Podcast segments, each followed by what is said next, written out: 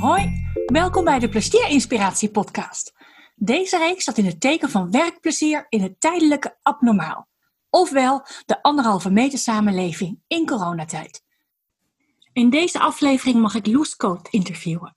Als coach begeleidt ze mensen en teams bij veranderingsprocessen. Want nergens word je zo geconfronteerd met jezelf als in de liefde en op het werk. En corona zorgt voor een heel nieuwe dimensie in deze onderlinge relaties. Ik ben vooral nieuwsgierig naar hoe je die dimensie kunt gebruiken voor het verbeteren van werkrelaties. Welkom Loes bij deze podcast. Leuk dat je er bent. Ja, dankjewel. De allereerste vraag, een heel directe vraag, en dat is wie ben je Loes? dat is een existentiële vraag. dus die kan ik op verschillende levels beantwoorden, zeg ik altijd. Ja. Uh, en die, zit, die valt uiteen in wat ik doe. En wat ik doe als, in mijn werk is dat ik coach ben en trainer, docent. Ik uh, begeleid mensen bij veranderingsprocessen. Dat is voor mij de essentie. En dat doe ik tot op heel diep niveau. En daarnaast ben ik een vrouw en ik ben uh, partner van mijn schat. En we zijn samen ouders van twee mooie zoons en nog een kleinzoon. Ja, dat is, uh, en ik heb heel veel vrienden en vriendinnen en uh, leuke familie en zo. Ja, dat is wie ik ben. Zo. Ja. Dankjewel. Nou, op jouw profielpagina staat, als ik jou aankijk, echt aankijk, dan kijk ik vanuit mijn hart. Nou, Ja. Ik ben wel nieuwsgierig naar wat je daarmee bedoelt. Ja, en dat, dat is meteen het meest ongrijpbare stuk. Dus mensen die dit eh, herkennen, die zich daardoor aangesproken voelen, die geven ook terug dat ze iets voelen als ze dat lezen. Dat ze snappen wat ik daarmee bedoel. En wat ik er ten diepste mee bedoel, is dat ik niet mechanisch werk. Ik werk niet met een protocol. Ik maak geen plan van aanpak. Ja, ik stel dat wel eens op hoor. Maar ik werk vooral met wie jij bent. Dus ik zet mezelf eigenlijk even uit. Ik zet mijn hart open. Vol liefde en compassie kijk ik naar elk mens wat bij mij binnenkomt. Omdat mensen vol zenuwen en vragen en thema's binnenkomen bij mij. En ik kijk. En ik kijk en ik neem waar en ik neem op heel veel niveaus neem ik waar. Ja, dat kijken is voor mij ook meteen waarnemen. Dus ik neem een soort energieveld waar. Ik kan dat niet goed uitleggen. Ik zie nooit kleuren of beelden of aura's of zo. Maar ik kan wel heel goed voelen hoe en waar iemand zit. Hoe iemand eraan toe is. Nou, en dat hele spectrum, dat is echt aankijken. Dat bedoel ik ermee. Ja. Met mijn hart. Ja, dankjewel. Ja. Ik voel hem, anders had ik het je niet gevraagd. En met dat kijken, het is niet alleen kijken, maar het is ook waarnemen. Ruimte geven voor alles wat de ander echt werkelijk te zeggen heeft. Ja. En dat, ja, weet je, daar zit ook een hele grote bron van misverstanden tussen mensen. Ik weet niet of je dit herkent, maar als je bijvoorbeeld iets vertelt over wat je bezighoudt, wat je dwars zit, noem maar op, dan is 9 van de 10 keer de reactie van de ander: dat heb ik ook gehad, je moet dit doen. Eh, oh ja, vreselijk, ik kan daar ook niet tegen. Terwijl de echte, weet je, het echte, dat is ook aankijken en gezien worden. Dat de ander niet oplossingen gaat bieden, dat de ander niet gaat redderen, maar aan je vraagt gaan, en hoe is dat dan voor jou?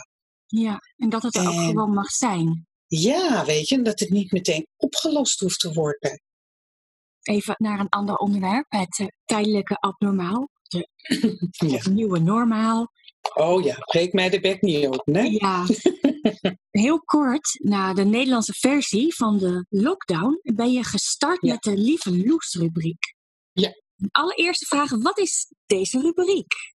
Ja, ik zat een beetje lam geslagen thuis. Zo van, wow, ik kan nu niet werken. Niet live, hè. Ik moest ook nog wel even nadenken. En ook heel veel van mijn cliënten over werken via Zoom. De meeste mensen hadden zoiets van, ja, weet je, ik eh, ben zelf ook eh, van alles moet ik regelen. Ik ben geschrokken. We kijken wel even. En liever wacht ik tot het weer live kan. Dus de eerste twee weken of zo ben ik ja, eigenlijk gewoon thuis geweest. En ja, zit je een beetje te navelstaren. Maar ik had wel erge behoefte om ja, daar ook iets in te betekenen. Zo van, goh, ja, wat betekent dit nou? Hè? Want ik kijk dan naar zo'n gebeuren, ah, ook vanuit mijn vak. Zo van, goh, wat gebeurt er nu met mensen? Wat doet angst? Wat doet collectieve angst? Wat doet de dreiging van een uh, onzichtbare vijand?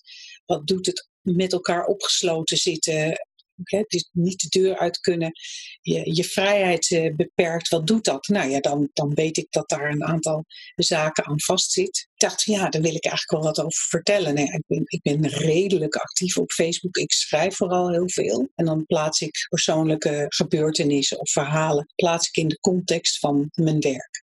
Dat werkt vrij goed voor veel mensen. Krijg ik veel respons op. En toen dacht ik ineens goh ja, vroeger was er zo'n rubriek Lieve Lita, Lieve Mona. Had je in de libellen en de stories, geloof ik. Dat waren lezersvragen, werden beantwoord door Mona of Lita. Toen dacht ik, ah, lieve Loes, het allitereert heel lekker. Ik laat gewoon mensen vragen, of ik laat mensen gewoon vragen stellen aan mij.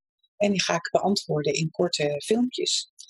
Dus zo is Lieve Loes. Dus die, die uitleg heb ik gegeven. Uh, Lieve Loes is uh, geboren. De respons was overweldigend. Ja, sindsdien uh, maak ik dat met de regelmaat van de klok.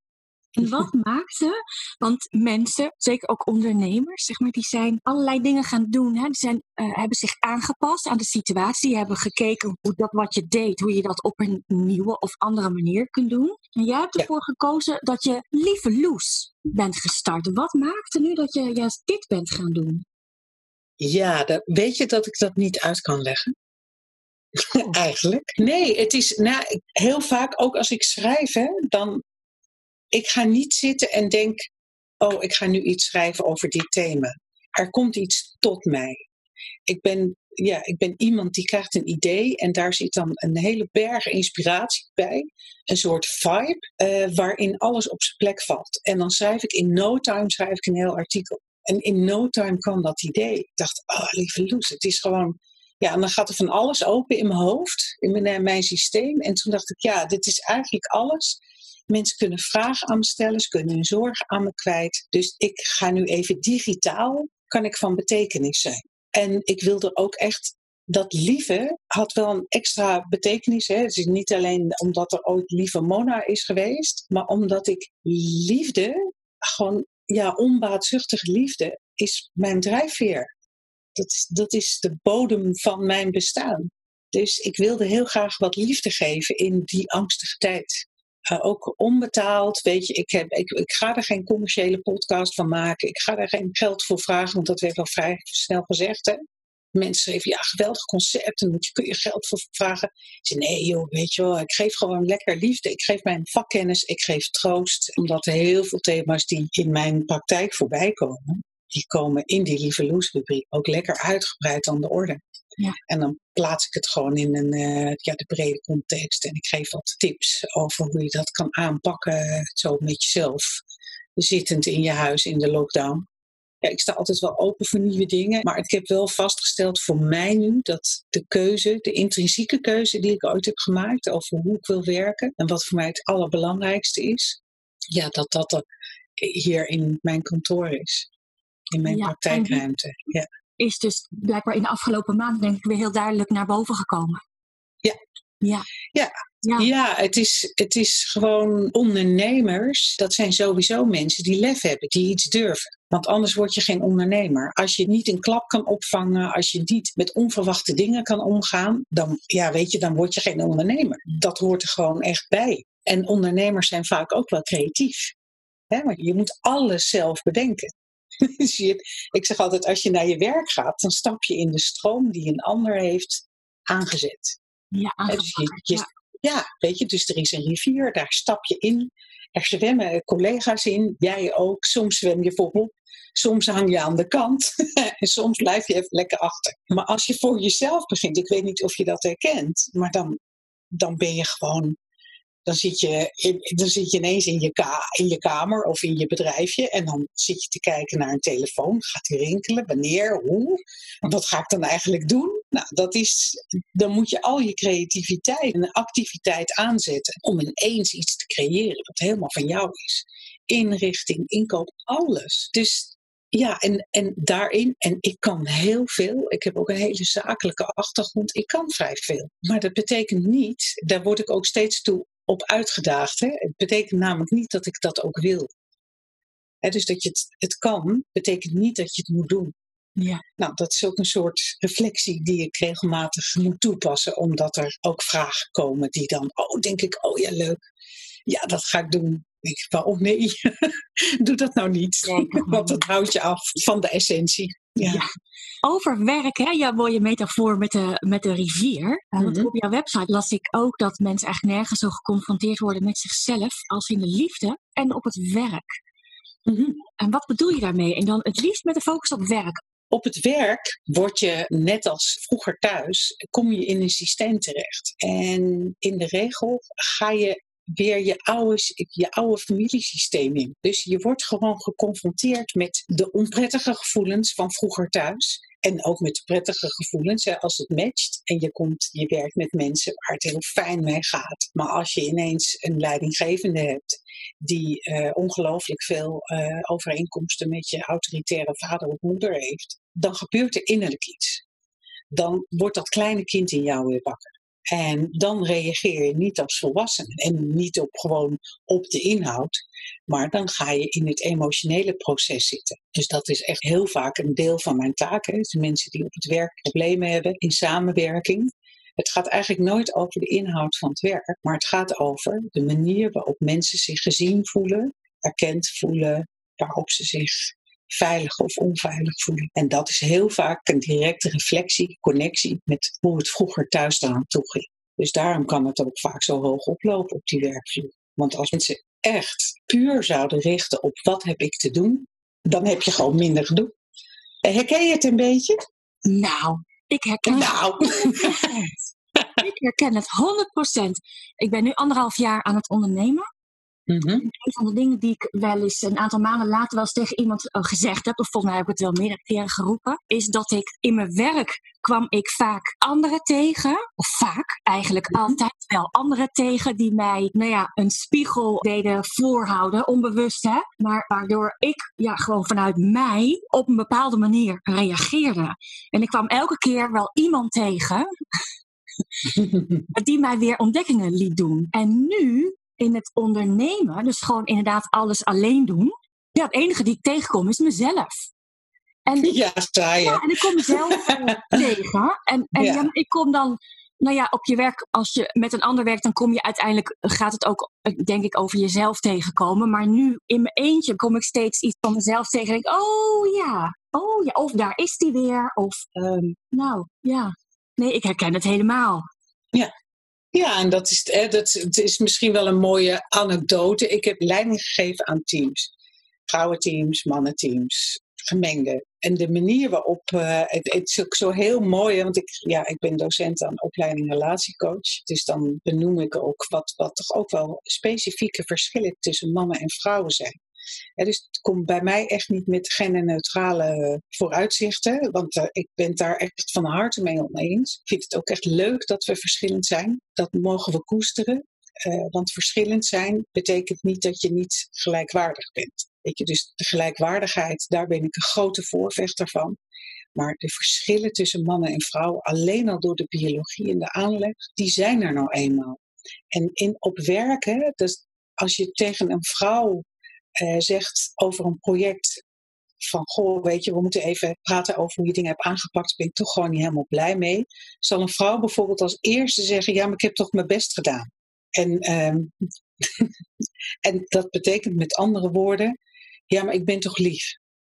Vrouwen die vinden het heel moeilijk om op die manier aangesproken te worden. Want vrouwen zoeken altijd, dat is ook een, een hele lange imprint, eeuwenlange imprint eh, vanuit, vanuit de biologie en vanuit het patriarchaat. Dat wij de kinderen baren en dus ook voor elkaar, voor het gezin, ik zeg altijd voor de vuurplaats moeten zorgen. Dus die verbinding is voor een vrouw, die staat heel erg voorop. Terwijl mannen zijn van oudsher gewend om naar buiten te treden, worden daar ook tot op de dag van vandaag veel meer in gestimuleerd. Dat begint hier erg te veranderen, maar ga een keer naar India, weet je, dan zie je weer hoe het vroeger hier was, op het platteland.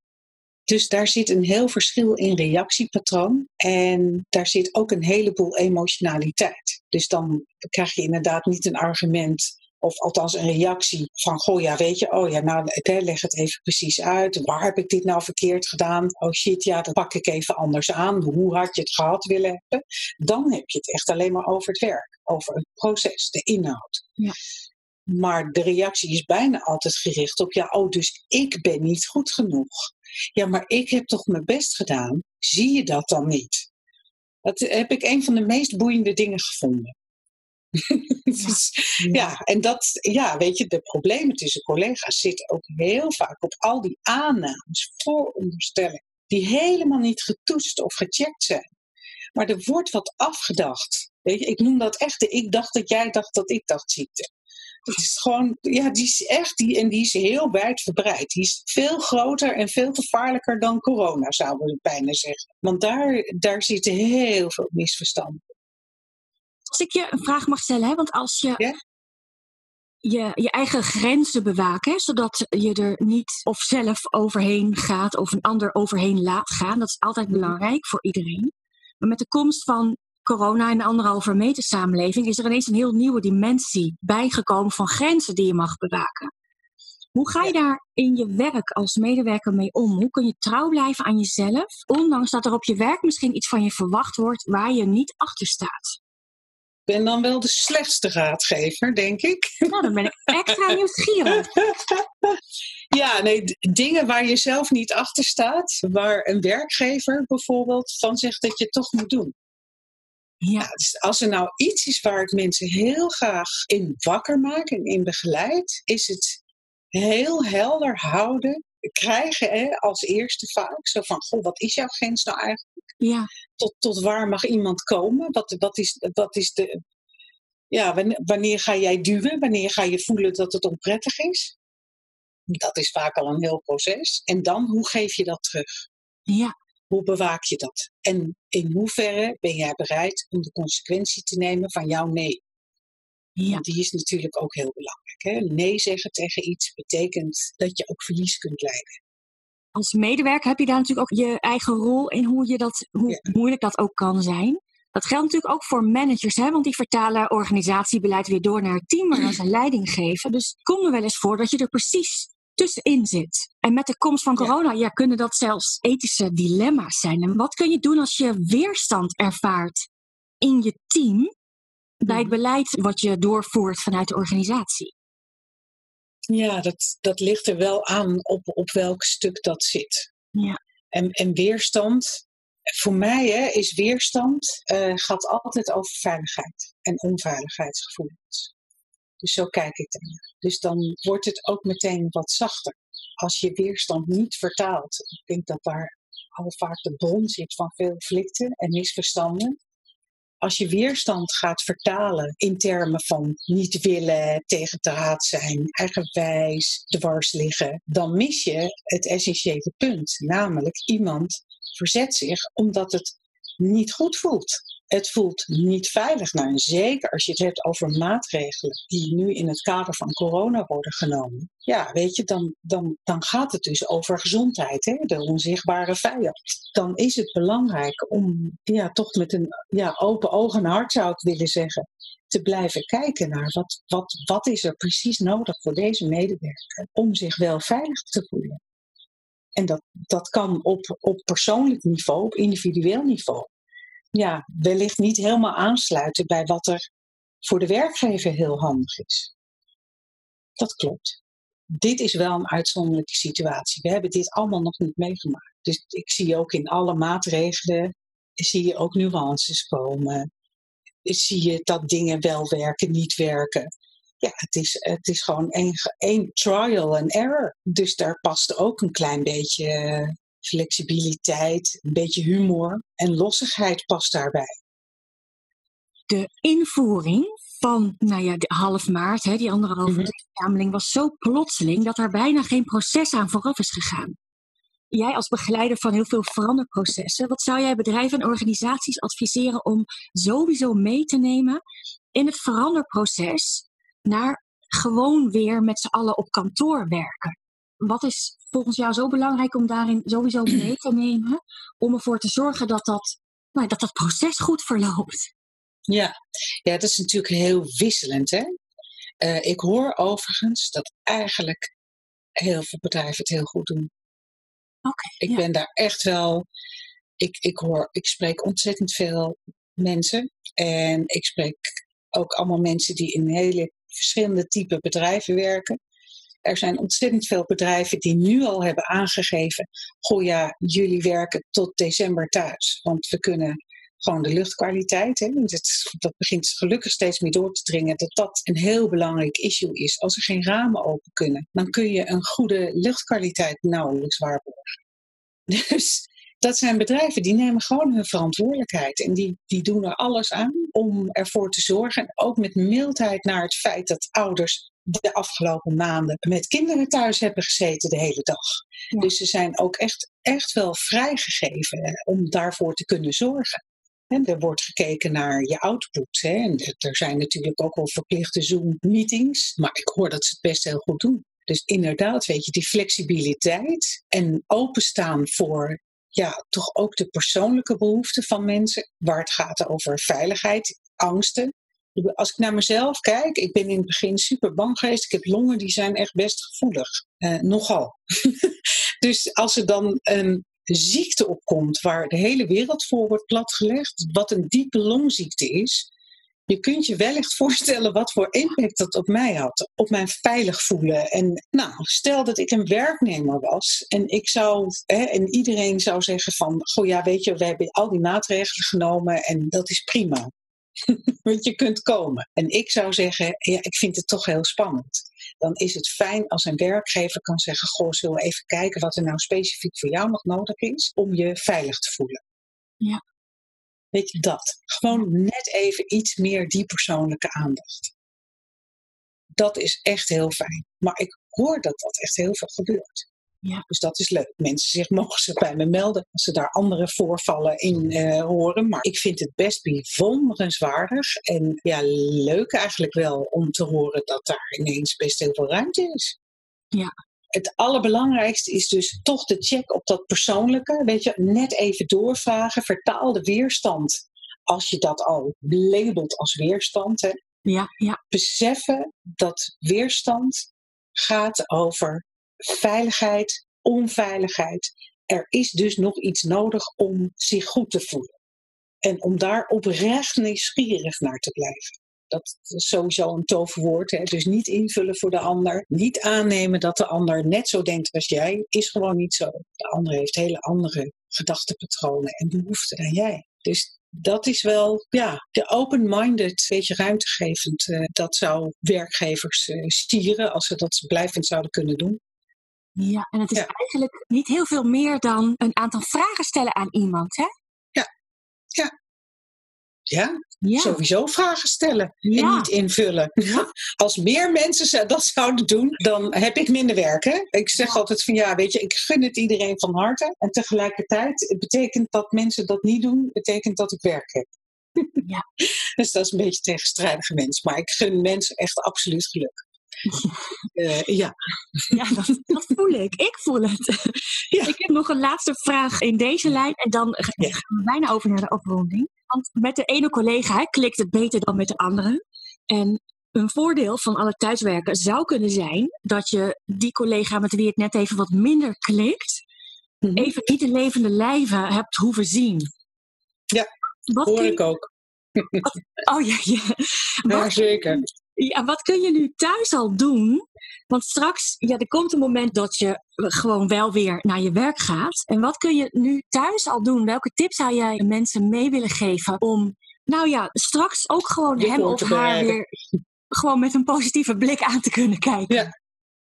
Ja, dit is echt een hele leuke. Want ik zeg altijd de collega of de persoon waar jij lange nagels van krijgt, hè, dus waar je niet zo lekker mee matcht, dat is eigenlijk je grootste leermeester. Want hij of zij laat jou iets zien wat je zelf nog wat meer mag ontwikkelen. En te veel van je eigen uitdaging. Dat is bijna altijd het geval. Dus dat is ontzettend leuk leermateriaal. Dus als je het niet persoonlijk maakt, maar je kijkt als een interessant object naar die ander. Zo van, goh, welk gedrag laat die ander nou zien waar ik me aan erger? Hè, dat is een hele mooie. Wat is mijn allergie bij die persoon? Dat kan bijvoorbeeld zijn dominantie. Nou, dat betekent waarschijnlijk in 99% van de gevallen dat je zelf een beetje subassertief bent. En dat je niet heel goed en adequaat voor jezelf op kan komen. Dat dat echt een ontwikkelstuk van jou is. Dus in plaats van de ander daarop te veroordelen, kun je ook kijken, wat doet die ander nou precies? Dat is echt mijn tip. Wat doet die ander? Dus ga de ander gewoon waarnemen. Dus ga nadenken over welke eigenschap je nou eigenlijk het irritantst vindt. En vul dan eens in, hè, dit is echt het kernkwadrant. Het is echt een ongelooflijk leuk model om mee te werken. Hè, dus als je je allergie opschrijft, dan kun je ook aangeven van, goh, wat, wat is dan gedrag wat, ik, wat daar tegenover zou moeten staan. Nou, die eigenschap, dat is waarschijnlijk jouw kernkwaliteit, die jij niet als kernkwaliteit zal benoemen, omdat we in Nederland allemaal veel te terughoudend zijn hè, over wat we heel goed kunnen. Dat is een mhm. beetje not done. Een Amerikaan roept gewoon, I'm very good at this. Maar dat zal een Nederlander niet snel zeggen. Ik nodig mensen uit om dat wel te doen. Benoem even lekker waar je gewoon goed in bent. Dat is wel zo duidelijk voor de ander. En alles wat heel goed en geweldig is, als je bijvoorbeeld zegt ik ben heel flexibel, dan is de valkuil daarvan dat je gewoon alle kanten uitgaat. Dat het jou echt regelmatig aan focus ontbreekt. Echte focus en, en prioriteitsstelling. Dus je uitdaging is dan dat je wat strakker in een structuur gaat zitten dat je regels afspreekt of een keer een proceduretje vasthoudt. Nou, als je dan te maken krijgt met de controller van het bedrijf, de overgeorganiseerd uh, dan is dat precies je allergie. Maar die persoon laat jou wel zien dat er ook dingen zijn waar jij af en toe die je te checken hebt en die je na te komen hebt. Dus ja, dat is een hele leuke voorbereiding. Ja, dat is een hele leuke voorbereiding. En het hoeft ook niet dagen te duren, toch? Je gaat gewoon even zitten. Ik denk dat als je googelt op het woord kernkwadrant. ja, dat je het wel, uh, dat, je, dat, dat verschijnt uh, zo, als je het al niet kent. Voorbeelden uitleggen. Oh ja, ja ik zie het al. Hoppakee, kernkwadrant. Er, er, zit er ook een, uh, een, een, voorbeeld bij. Dan kan je dat gaan. Doe dat. Ja, en doe dat. ga de ander, ja, doe dat gewoon. Ja, Weet je, leuk. ja, want die ander heeft dus kwaliteiten. Er is bijvoorbeeld altijd iemand die dwars ligt. in vergaderingen. De dwarsligger. En dan kun je daar eens over gaan zeiken en zeggen, ja, dat gezeik altijd, weet je, die is altijd negatief. Maar je kunt ook kijken naar de kwaliteit ervan. Want het is namelijk ook iemand die heel zorgvuldig is. En erop let dat je nadenkt over of er geld beschikbaar is en of het een beetje een houdbaar plan is. En dat is allemaal niet leuk als je in de high van je nieuwe ideeën zit. Ik heb dat natuurlijk heel vaak meegemaakt. In mijn managementtijd had ik een geweldig idee. En dan werd gevraagd, nou, hoe ga je dat financieren?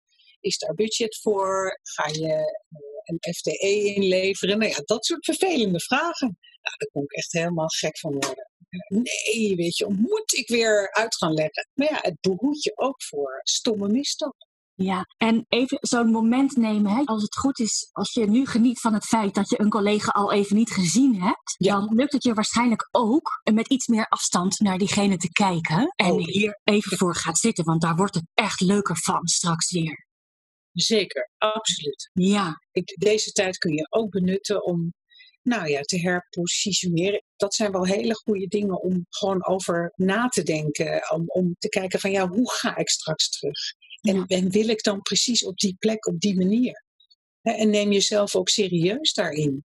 Ik vind dat ontzettend veel mensen, echt dat valt me op. Ontzettend veel mensen denken dat ze geen keus meer hebben. Ze werken ergens en dan moeten ze daar dus blijven werken. En dan zeg ik, joh, ben je gek? Hoe oud ben je?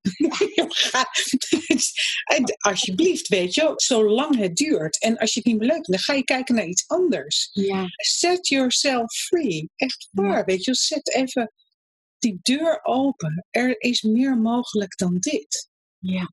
Nou ja, en dan. Uh, maar dat is heel lastig voor mensen. Nou. Ik ga nog even een praktische vraag aan je stellen. Want waar kunnen mensen je online vinden?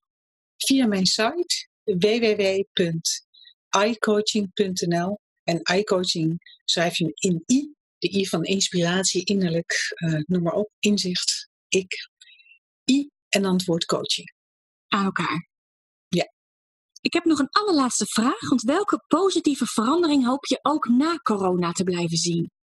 En heb je het dan specifiek maatschappelijk, wat ik zo om me heen zie? Het eerste wat in je opkomt? Nou, het eerste wat in me opkomt is het voortdurende en onnodige heen en weer gereis. Weet je, die volgepakte Nederlandse wegen. Ik vind het echt geweldig dat dat minder is nu.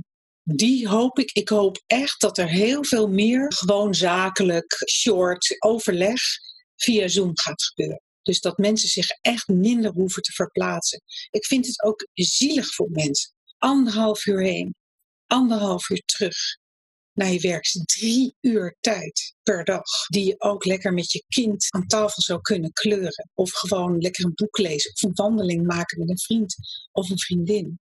Ik vind het heel veel zinloze tijd voor mensen. Dus als er iets is wat ik zou willen behouden, is dat het. Ja. ja. nou dat vind ik een hele mooie om mee af te sluiten. Mag ik nog één ding zelf? Dan zeggen van, uh, wat ik niet wil behouden is die gekke anderhalve meter. Verzorgingshuizen waar rode linten omheen staan. Ik vind dat echt een gruwel. Ik zie en hoor wat dat doet met mensen. Wij mensen hebben echt nabijheid nodig. Maar echt nabijheid. Een hand. Een arm om je heen. Als je daarvan verstoken blijft, dat is niet goed. Daar word je heel ongelukkig van. Nou, maar echt. Weet je? En, die, en die pijn die hoor ik en die zie ik en die heb ik zelf ook echt ervaren. Twee maanden mijn kinderen niet aanraken en dichtbij. Nou, het is bizar. Ik had echt zoiets van ja, maar dit is niet de bedoeling van het leven, echt niet. Nee. Dus die zie ik heel graag weer verdwijnen. Ja, ik wil heel graag, dat mag echt niet het nieuwe normaal worden. Nou, dat is wel even een persoonlijke wens van mij. Dankjewel, Loes, voor dit, wat mij betreft, fijne en waardevolle interview.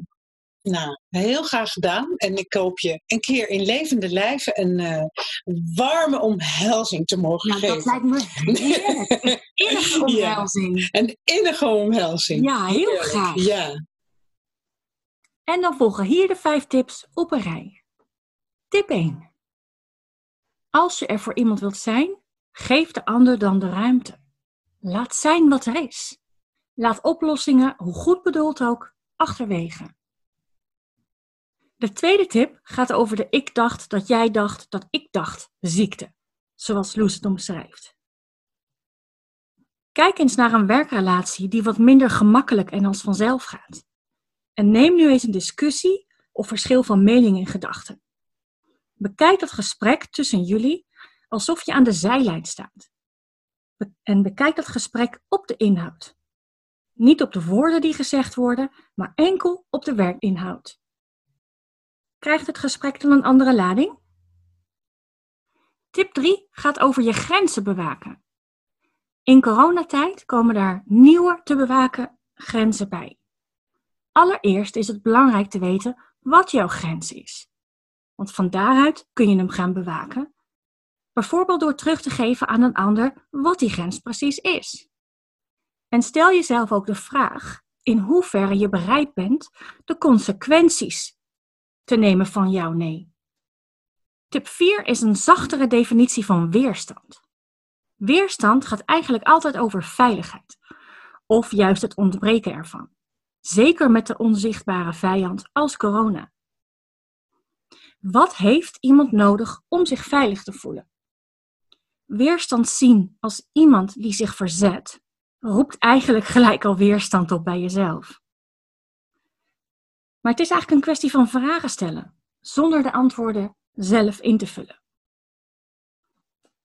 En de vijfde en laatste tip. Dat gaat over die collega waarmee je minder matcht. En juist die collega is je grootste leermeester. Bekijk de persoon in kwestie niet als jouw irritatiebron, maar als een interessant leerobject, waar je wat van kan leren. Want het gedrag van de ander is wat je onbewust wel wat meer zelf kunt gebruiken. Wat doet die ander? Neem hem of haar waar en bepaal welke eigenschap jou irriteert of dwars zit. In de kernkwadrantmethode zie je dan dat het tegenovergestelde van jouw irritatie juist jouw kwaliteit is. De ander laat je in feite zien wat jouw valkuil is. Google maar op kernkwadrant en je kunt thuis aan de slag. Want met meer inzicht in jezelf is het voor jou een stuk eenvoudiger je niet te irriteren. En daarmee bespaar je een hoop energie en ervaar je meer werkplezier. Succes! Dankjewel voor het luisteren. En wil je de volgende niet missen? Ga naar je podcast-app, zoek op Suzanne Veldkamp met een D en abonneer je. Natuurlijk waardeer ik het enorm als je een review achterlaat. En je vindt me ook op suzanneveldkamp.com. Dag!